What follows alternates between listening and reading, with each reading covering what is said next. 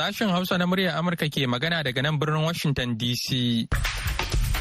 Masu sauraro Assalamu alaikum barkanmu da wannan lokaci. Muhammad Hafiz Baballe ne tare da sauran abokanan aiki. Muke farin cikin kawo muku wannan shirin da wannan safiya ta Lahadi. Bayan labaran duniya za mu kawo muku shirin kasuwa aka yi miki dole da nasihar Lahadi da kuma maimacin shirin lafiya uwar jiki.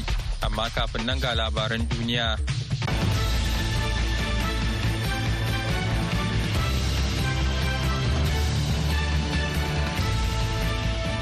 Jama'a Assalamu alaikum barkanmu da wannan safiya ga kuma cikakkun labaran duniyar. Rasha ta kai wani kazamin harin makami mai linzami a jiya Asabar kan birnin Prokofs na gabashin Ukraine mai tazarar kilomita 80 daga arewa maso yammacin Donetsk. kamar yadda gwamnan yankin da ke ƙarƙashin ikon Ukraine Vadim Flashkin ya wallafa a saƙon Telegram. Mutane goma sha ɗaya sun mutu ciki har da yara biyar. Wannan shine sakamakon hare-haren da aka kai a gundumar provox a yanzu in ji flashkin wanda ya wallafa hotunan jami'an ceto da ke ratsa manyan baraguzan gine-gine a cikin duhu. Flashkin ya ce an yi amfani da makamai masu linzami samfurin s-300 a jerin hare-haren da rasha ta kai inda babban harin ya afkawa procops da ƙauyukan da ke kusa.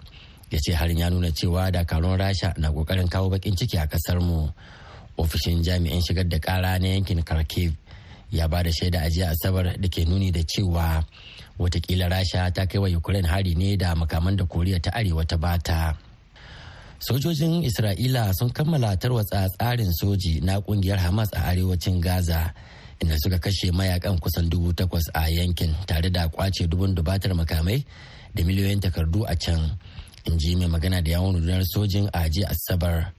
A wani taron manema labarai ta yanar gizo jami'in sojin isra'ila rear admiral daniel hagari ya bayyana cewa a yanzu isra'ila ta mai da hankali wajen wargaza ƙungiyar hamas da ke tsakiyar yankin da kuma kudancin zirin gaza. Yana mai cewa hakan zai ɗauki lokaci. Hagari ya ce ƙoƙarin da sojojin isra'ila ke yi na kawar da ƙungiyar hamas daga tsakiya da kuma kudancin gaza za a yi shi ba kamar yadda aka yi a arewacin ƙasar ba. Yana mai cewa sansanonin 'yan gudun hijira da ke tsakiyar zirin gaza cike suke da cunkoson jama'a kuma cike da 'yan ta'adda. Turkiya ta shirya yin amfani da tasirinta da muhimman ƙasashe a gabas ta tsakiya domin daƙile yaduwar rikicin gaza kamar yadda sakataren harkokin wajen amurka anthony blinken ya shaidawa manema labarai a yammacin jiya asabar bayan wata tattaunawa da shugaban ƙasar turkiya recep tayyip erdogan ɗaya daga cikin manyan masu sukar ayyukan sojin isra'ila a gaza. Tun da farko a ranar blinken ya gudanar da ganawa tare da erdogan a istanbul sannan kuma da prime minister girka kyriakos mitsotakis a crete. Babban jami'in diplomasiyyar na amurka ya soma wani rangadin diplomasiyya ne a yankin gabas ta tsakiya a wannan makon tare da makasudin kwantar da hankula a gaza da kuma kwantar da tarzoma a daukacin yankin. A wata ganawa ta daban da blinken ministan harkokin wajen turkiya hakan fidan ya yi kira da tsagaita buɗe wuta cikin gaggawa a gaza kuma a ba da damar kai agajin jin kai ba tare da wani shamaki ba. Fidan ya kuma yi kiran da a fara tattaunawa cikin gaggawa domin samar da maslaha ta ƙasashe biyu a cewar majiyoyin diplomasiyyar turkiya labaran suna zuwa muku ne daga nan sashen hausa na muryar amurka a washington dc a jiya asabar ministan harkokin wajen faransa ta faɗawa takwaranta na ƙasar iran cewa dole ne iran da ƙawayenta su daina ayyukan da ke haddasa tashin hankali da kan iya haifar da rikicin kan iyaka a gabas ta tsakiya a yayin da ake yaƙin gaza. A yayin wata tattaunawa ta wayar tarho da ministan harkokin wajen iran hussein amir abdullah catherine colonna ta isar da sako a sarari cewa hadarin da ke tattare da rikicin yankin bai taba kasancewa mai girma kamar wannan ba.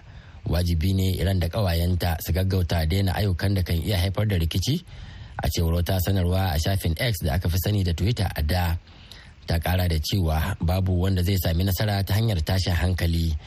Kiran nasu kuma na zuwa ne bayan da ƙungiyar hezbollah da ke samun goyon bayan iran a lebanon ta ce ta kai hari kan sansanin isra'ila da makamai masu linzami 62 a matsayin martani na farko kan kisan mataimakin shugaban hamas a beirut.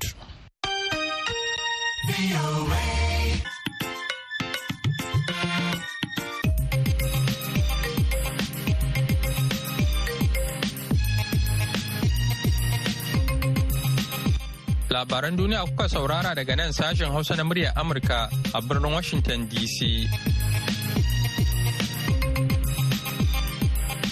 Yanzu kuma sai a gyara zama domin jin shirinmu na gaba.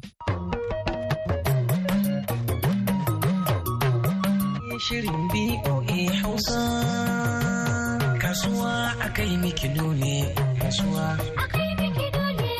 kasuwa. Jama'a barkanmu da sake saduwa da ku a cikin shirin kasuwa a kai miki dole wanda ni Hassan Umar Tambuwal na shirya kuma zan gabatar. A yau shirin ya zagaya a wuraren kasuwanci daban-daban don jin yadda kasuwanci ya tafi a shekarar 2023 da ta wuce da kuma fatar 'yan kasuwa a wannan shekara ta 2024. Sunana Malam Ya'u mazamni Ibadan jihar Oyo. Ni sana'a tire da aikina. Layi shekara ga ta 2023 uku komi da komi ya yi tsada. Idan ma za mu je kasuwa wallahi da rubuta muke yanzu amma sai dai ka ɗauki kuɗi ka je da su. Dan kana iya sai yau in ka koma da marece a ce maka yayi ƙari. Dan haka yanzu wallahi wannan sabon shekaran muna fatan dai Allah ya kawo mana sauƙi a cikin kayayyakin da hake saidawa a wannan shago naka na trader kamar a ce omo kamar a ce magi kamar a ce madara kamar a ce dai lomin kwalba da sauransu wani ya hi tsada ko kuma ya ciniki a shekarar da ta kare ta 2023 da muna saya kayan lemun nan da da motina da kayan shayi hakan ga da lipton da madara. Amma yanzu wallahi masu shayi idan suka zo sai dai su sai lipton su koma. Madaran ma idan suka saya za su dinga kuka kuɗin su baya dawowa. Dan haka yanzu mu muna fatan wannan sabon shekara din Allah dai ya kawo mana sauƙi abun ya zama ya zama labari a wanda ya wuce ne. Me kuke son ku gani a cikin wannan sabon shekara? To gaskiya cikin wannan sabon shekara muna fatan dai Allah dai ya kawo mana saukin wannan lamarin da yake faruwa a baya din wannan abin da ya yi sauƙi. Sunana Alhaji Karayi wanda an kasa energy a cikin garin Koko. To gaskiya a shekara gar ta kare ta bana alhamdulillah bakin gwargwado kasuwanci a ɗaya gudu amma muna ganin alamar shekara ga za mu shiga gaskiya kasuwan sai a hankali ba kowace shekara ba saboda yanayin kuɗi a Najeriya. To yanzu wannan sabo shekara ta 2024 menene fatan ka? To fata na dai Allah ya kaddara mu samu alheri a cikin ta dan kowace musulmi na fata alheri a gaban shi amma yanayin kasuwa muka ga alamar shekara bana ba irin kamar shekara ba amma ba mu san abin zai gaba amma muna roƙon Allah ya kawo mana gyara akan wannan al'amari da ake cikin halin yanzu. Wasu na ganin cewa shekarar da ta shige ta 2023 babu ciniki kamar wannan sabon shekara ta 2024 a wajen ka yaya take? Eh to yanayi da kowa da irin yadda ga yanayin kasuwanci. Alhalin gaskiya shekara inda mun kauce ke gaskiya kasuwa ta ɗaya kyau. Amma yanayin da muka tunkara da duk shekara an ka taso mu irin wannan zaka ga kasuwanci na tashi. Amma bana gaskiya sai a hankali gaskiya fi sabilillahi. Wannan kasuwanci da haka na shanu eh ana ka gani wani lokaci ne shanu suka fi tsada? To gaskiya a yanayin bana gaskiya ba mu ga yanayin kasuwa tana ta irin haka nan kamar duk shekara kullum ba. Kamar wannan jansa kamar shekara 2003 suna nawa to kamar shekara dubu biyu da uku gaskiya yana ɗari uku ɗari uku da goma ɗari uku da ishirin. To yanzu da dubu biyu da ashirin da huɗu kamar shi na da kuma. To yanzu a halin da cikin yanzu ba ga ana ta shi ɗari biyu da tamanin ɗari biyu da saba'in. Ka ga yanayin kasuwa ta canza kenan saboda yanayin ainihin kasuwa ba ta da ƙari a shekarar bana. Sunana Alhaji Usman Idris Yako ciyaman akin yalama kasuwar gwari. To alhamdulillah gaskiya kasuwanci da ya tafi musamman na wannan kaya mu na gwari a shekara ta dubu biyu da ashirin da uku ya tafi akwai ƙalubale da yawa wanda aka yi ta fuskanta musamman ƙalubale na farko ƙarin kuɗin man nan da aka yi. Wannan ƙarin kuɗin man nan ya sa ainihin motoci da suke ɗauko mana kaya sun ribanya kuɗaɗen da suke ɗauko mana kusan kashi uku. Wannan ya sa kayan gwari irin tumatur tattasai da albasa kamar farashin su ya tashi. Nan ƙarin kuɗin man ya taimaka wajen tayin kayan gwarin nan. Bayan wannan muna sanar da cewar akwai ko matsalar tsaro da ake fama da ita a arewacin najeriya wanda guraren da ake wannan noman nan gurare da yawa noman ya ragu.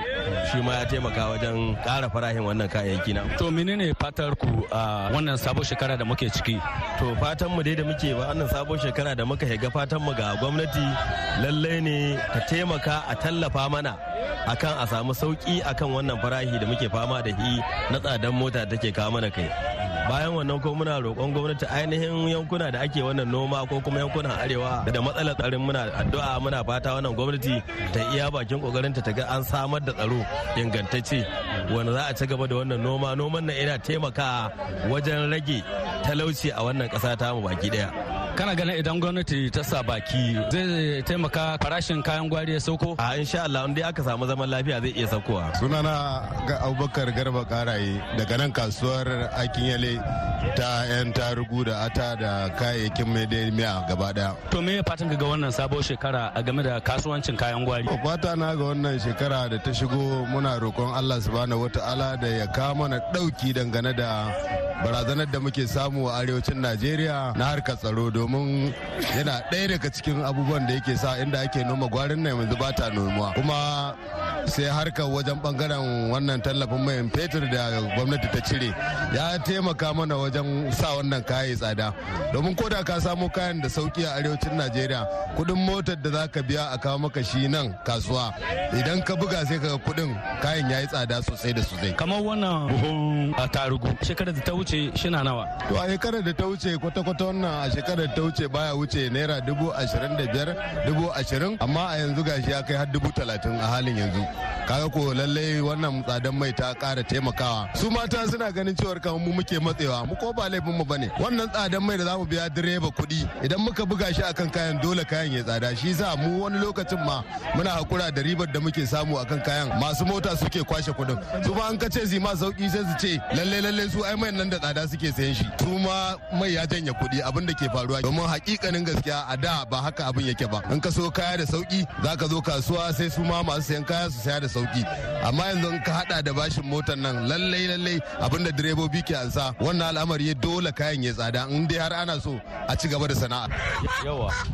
To ina sunanka? Sunana ya umai kaza sarma. To kasuwancin na sabon shekara dai sai dai mu ce mun gode ga Allah saboda gaskiya akwai saɓani bisa ga shekarar da ta wuce. Don ba da kamar irin wanga lokaci muna sayan layers dubu biyu da ɗari uku amma yanzu ta kama muna sayan ta naira dubu uku ɗari biyar akan sari tun daga daji. Wato kajin irin waɗannan kajin turawa kenan. Irin kajin turawa akwai layers mai yin kwai akwai kuma noila maza akwai kuma brola mata irin waɗannan. Yanzu irin wagga da ni gani fara nan a shekarar da ta wuce ba tana nawa? To a shekarar da ta wuce ba da gaskiya ba ta wuce ba da dubu uku da ɗari biyar. To amma saɓanin yanzu da yanayi ya canza muna sai da ita dubu biyar da ɗari biyar zuwa dubu shida to wannan fa ita ko mai baki da fari. Yawa wanga noila shi kuma noila ake kiran shi. Gabara muna samun shi dubu biyu da ɗari biyar. To amma yanzu ga yanayin da ya kama yanzu muna samun shi naira dubu huɗu da ɗari biyar dubu biyar. Lallai haka muke samun shi me ya kawo wannan tsada dai?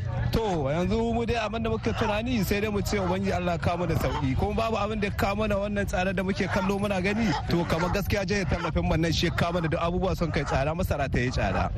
Sunana Jamilu Tanimun Bodin ga local government daga Oyo state. Mai shayi a Kiyale Ibadan. Wallahi gaskiya malam kasuwar shayi Allah dai shi gyara mana. Abubuwa sun taɓarɓare. Babu ci gaba ga abubuwa na harkar kasuwanci na shayi. Kana nufin babu ciniki? To babu ciniki tunda mutane ba su da kuɗi kuma kaya komai ya yi tsada. Indomin ɗin da muke sai su a da naira saba'in guda biyu ɗari da hamsin. Yanzu ya zama guda shine ɗari biyu. Wannan muke sai su a ɗari da ashirin. Yanzu shine kuma ya zama ɗari biyu da saba'in ɗari uku wani wuri. Wani naira hamsin ya dawo ɗari da hamsin. Kaga abubuwa su taɓarɓare. Biredin da ya kamata mu sayar a da muna sayan shi naira ɗari ɗari biyu. Muna sayarwa ɗari biyu da hamsin. Yanzu ana sayar muna shi ɗari uku da hamsin kacar kacar muka sai sai ɗari huɗu mu samu naira hamsin wani lokaci kuma iya kuɗin mu za su fita. to a da kamar mutum nawa ke shan shayi a dare ɗaya gare ka ko kuma a safiya.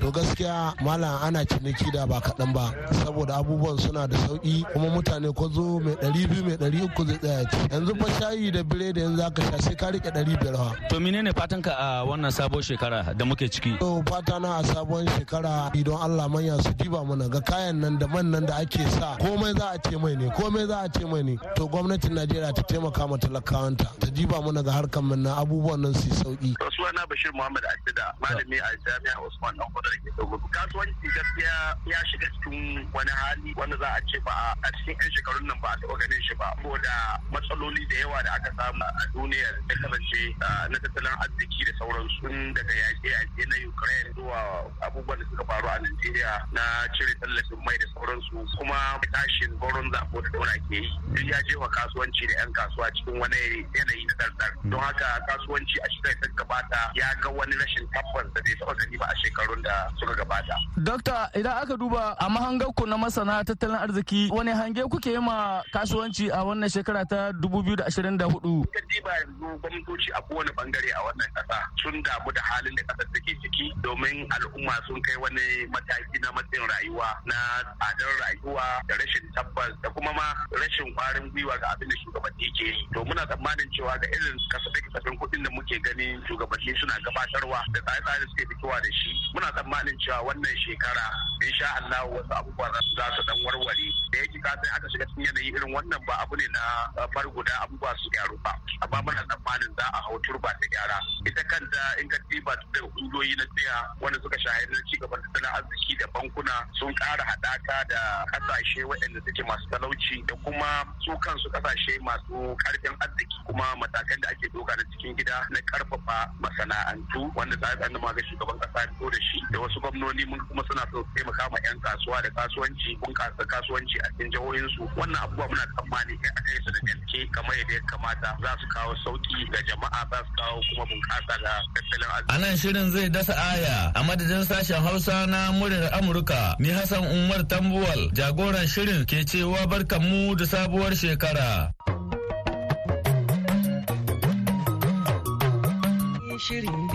Masu sauraro kada a shafa, har yanzu ana tare ne da sashen Hausa na murya Amurka a birnin Washington DC. Yanzu kuma ga nasihar Lahadi.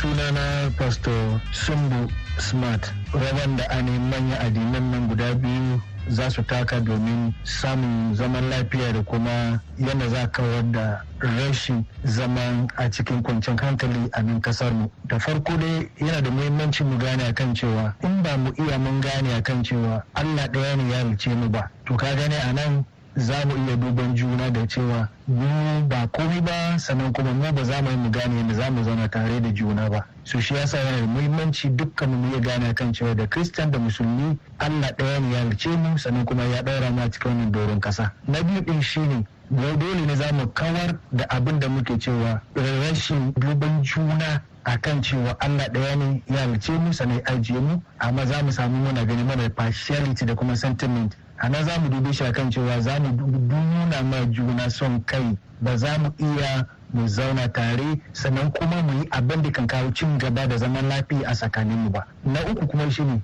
wannan ainihin jahilci na rashin sanin addini gaskiya. So ranar mabiya idan suna suna cike da wannan jahilci. To ba za su su gane hagunsu da kuma damansu ba. Manyan shugabannin addini na da wannan nawaya mu koyas da anin mabiyanmu su gane ga zahirin gaskiyan addini da ya kamata kowa ya gane. Za mu fahimci juna za mu juna adalci sannan kuma za mu aiwatar da abin da Allah ke so mu aiwatar ma juna. Sannan mafita a nan shine kan cewa dole ne dukkanmu mu koma ga Allah da kristan din da musulmi din dole ne mu koma ga Allah. Cikin tuba da kuma yi sulhu. Mu gaya ma Allah kan cewa duk inda muka kasa muka a nan za mu dawo gare shi. Idan muka koma ga Allah Allah kan iya taimake mu. Cikin jin kansa da rahamarsa yaka iya nuna mana mafita da za mu yi. Samu wannan insecurity da muke fama da shi rashin cin gaba da muke fama da shi Allah yakan iya ya sabko ya ɗauke ya kuma ba mu an cikakken zaman lafiya da kwanciyar hankali.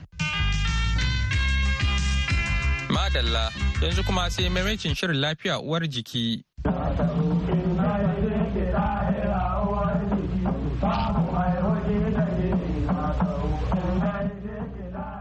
Jama'a masu sauraron mu barkanku da warhaka, barkanku da sake kasancewa tare da mu a cikin wani sabon shirin lafiya uwar jiki tare da ni Hauwa Umar. Shirin lafiya uwar jiki na wannan makon kuma na farko a wannan shekarar ta 2024 miladiya zai tattauna ne akan cututtukan da suke da dangantaka ko kuma alaka da yanayi na sanyi. Ganin cewa yanzu mun fara shiga wannan yanayi na sanyi kuma sanyin yakan zo da iska da kuma hunturu. Amma kafin mu shiga cikin shirin bari mu ji daga bakin mutane kan yadda suke kula da kansu musamman a wannan lokaci na sanyi. Sunana Yedu Shokolo Jona. Musamman yanzu a yadda muke yanayi na sanyi da ƙura. Wani mataki kake ɗauka domin kare kanka daga kamuwa da cututtukan da suka danganci sanyi? Tun da lokacin kura ne yayi kowa ya san lokacinsa ne. Banda mutum ya kamata ya kare kanshi kaga dai kana tafiya inda akwai kura ya kamata ce kana da hankacif ko abin rufe hanci saboda wayannan kuran da suke tashiwa suke shiga cikin hancin mu shi muke shaka. Kuma mun shaka sai ka ga mutum nan da nan ya samu mura. So ya kamata muna lura da wayannan abun ba komai ba ne ya kamata muke shaka daga iska. Ya kamata muna kare kanmu.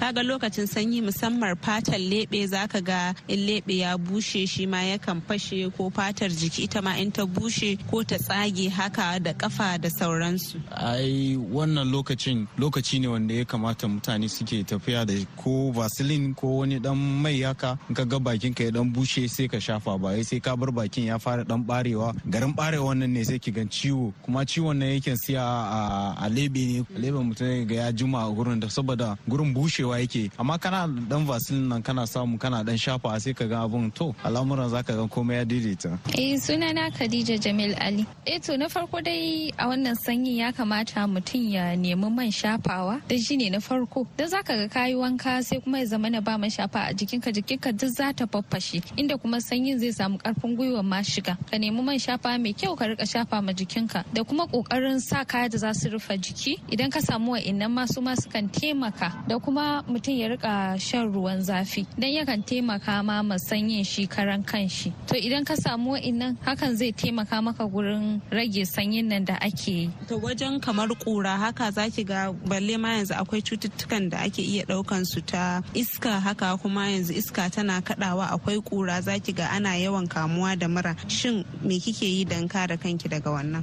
To ni dai a nawa suweta nake sawa kuma ina ƙoƙarin duk inda kura yake nisanci kaina da shi saboda irin wa'innan kuran da suke tashi din tare da ni a cikin shirin akwai dr. Lawal musa tahir da ke aiki da shahararren asibitin nizamiya na ƙasar turkiya da ke abuja. To likita kamar wasu irin cututtuka ne ake iya cin karo da su a wannan lokaci ko kuma yanayi na sanyi musamman ma da yake zuwa da iska da hunturu. Mafi yawanci idan lokacin sanyi ya zo saboda yanayin sanyin mu yana zuwa da hunturu da kura da sauransu. Cututtukan da aka fi yawan samu cututtukan da suka shafi abin da ake cewa respiratory system wato abin da ya shafi numfashi da sauransu. Wanda suke da cututtuka irin na su asma da alaji da sauransu su ma yakan karu matuka. Sannan saboda kasancewa sanyin ne za ki ga jama'a sukan taruri ɗaya a kunna wuta ko a rufe dakuna yadda kenan iska ba ta shiga sosai ta fita. Abin da ya shafi da turanci za a ce ventilation. Waɗannan su ne yawanci abin da aka fi samun karuwarsu ko yawansu ya karu ko kuma ya kasance sun ta'azzara a wannan lokaci kamar wanda ya san yana da wannan cuta da ka irga musamman mai asma ko kuma mai alaji ko pneumonia ko wata cuta da ke da nasaba da sanyi ta yaya ya kamata ya kula da kansa? Abu na farko shine idan ya kasance kana kan magani ya kamata kada kai wasa da magani nan saboda magunguna na ko wanda magani ne na kariya abin da ake cewa rigakafi. Kada a yi wasa da shi. Akwai magungunan da kuma sai ciwon ya zo misali za a amfani da shi kamar masu asma kenan da alaji. Akwai wanda akan ba su shawara su yi amfani da mask ya za mu kira mask kenan abin da ake rufe hanci da shi za ka shaƙi iska amma za ka rufe hanci saboda zai ɗan rage yawan ƙura da take shiga hancin. Sannan saboda yanayin taruwar jama'a da sauransu kuma a rufe wuri akan samu ƙaruwar cututtukan da za a iya shaƙa kamar ƙwayar cutar da ke kawo sankarau saboda haka da buƙatar ya kasance kada a ce za a rufe ɗaki rub a kunna wuta. A buɗe ya kasance iska tana shiga tana fita. In ya so gara ya amfani da kayan da za a dan sa masu kauri a dan rage jin sanyin maimakon a ce za a rufe wunduna da sauransu. Akan samu karuwar hatsarin gobara idan sanyi ya zo saboda yanayin yadda mutane ke mu'amala da wuta da kuma abin da ya shafi wuta da buƙatar a kula sosai matuka a musamman idan gida da yara saboda abin da suka ga kana yi fa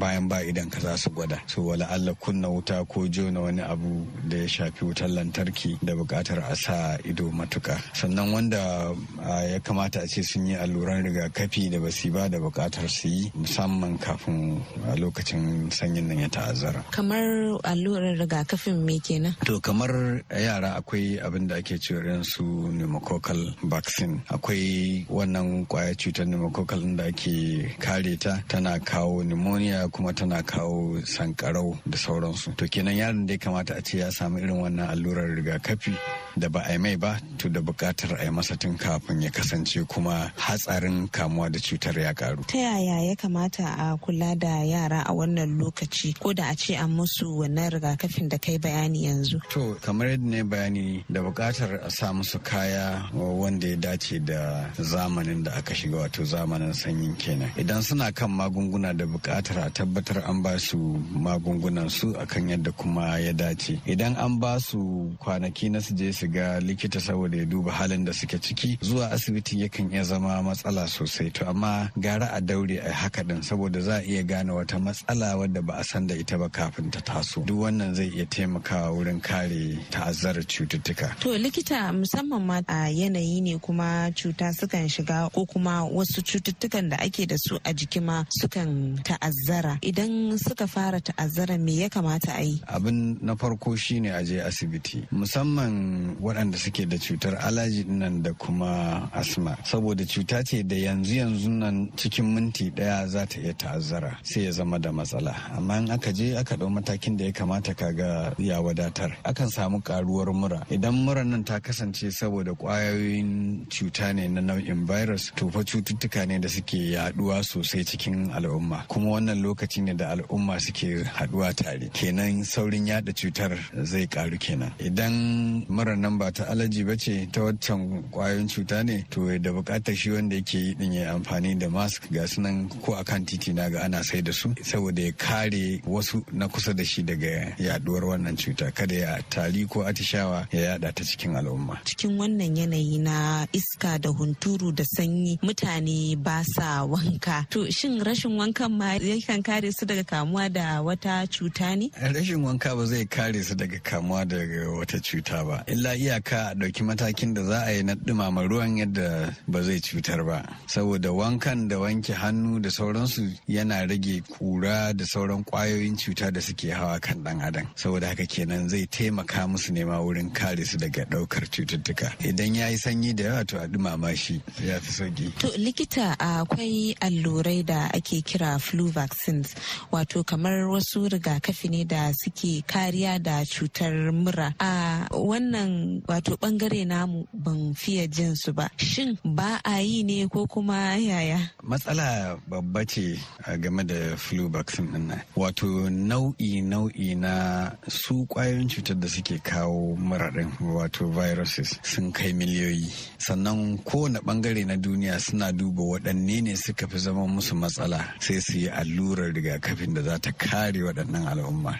Kin ga kenan abin da zai kare wata al'ummar ba lallai ne ya kasance munan ya kare mu ba. Ɗaya kenan. Na biyu suna da tsada. Matukar gwamnati ba ta ɗauki wannan a matsayin matsala ba kuma gaskiya ne. Muna da matsalolin da suka fi wannan. Ba za a zuba kuɗaɗe a kawo su. Sannan kuma ba lallai in an kawo su ɗin ba su kare mu saboda wala Allah yanayin a turanci abin da ake cewa stereotypes. Wato kabilun zan iya amfani da kalmar kabilun na nau'in viruses da suke nan din suna iya bambanta matuka da na can wurin. To kenan kin ga sai zama in ka ɗauko na wata ƙasa ka kawo nan ba lallai su mana amfani ba sannan kuma gashi kuɗi ne da za a kashe matuka. Masu sauraron mu kada da ku sha'afa kuna sauraron shirin lafiya uwar jiki ne daga sashen Hausa na muryar Amurka inda muka tattauna da likita akan wato cututtukan da ake iya cin karo da su a wannan yanayi na sanyi da iska da hunturu da fatan an ji kuma da fatan za a yi amfani da shawarwarin da likita ya ba mu. A madadin dukkan abokan aiki da suka taimaka don ganin shirin ya zo muku sai kuma likitan da muka kasance tare da shi a cikin shirin wato. Dr. Lawal Musa Tahir. Ni Hauwa Umar da na shirya na gabatar nake cewa ku ci gaba da kasancewa da shirin lafiya uwar jiki mu huta lafiya. Wannan shirin na zuwar muku ne kai tsaye daga nan sashin Hausa na muryar Amurka a birnin Washington DC. Ga masu sauraron mu a jamhuriyar Nijar za ku iya sauraron mu a tashar mu ta BOA Africa a kan mita 200.5. Baya ga haka ko da yaushe kuke so za ku iya zuwa shafukanmu na intanet wato a boahausa.com ko kuma sashin hausa.com ko kuma shafukanmu na sada zumunta Facebook da Twitter domin sauraron shirye-shiryenmu inda za ku kuma iya yin tsokaci da bayyana ra'ayoyi. Kuna kuma iya aiko mana da sakonninku ta hanyar imel a sashin hausa at boanews.com. Da haka ne kuma muka kawo ƙarshen shirin namu a wannan lokaci sai kuma da rana ku ji abokanan aikinmu da wani sabon shirin da ya haɗa da matasa a duniyar gizo. Za ku iya samun ƙarin haske kan dukkan rahotannin da muka gabatar har ma da ƙari a shafinmu na intanet voahausa.com da kuma shafinmu na sada zumunta facebook da kuma twitter. Yanzu a madadin dukan waɗanda suka ba da gudunmawa ga nasarar wannan shirin da suka hada da Julie Gresham da ta haɗa shirin da ba da umarni, Muhammad Hafiz Baballake sallama da ku a wuni lafiya.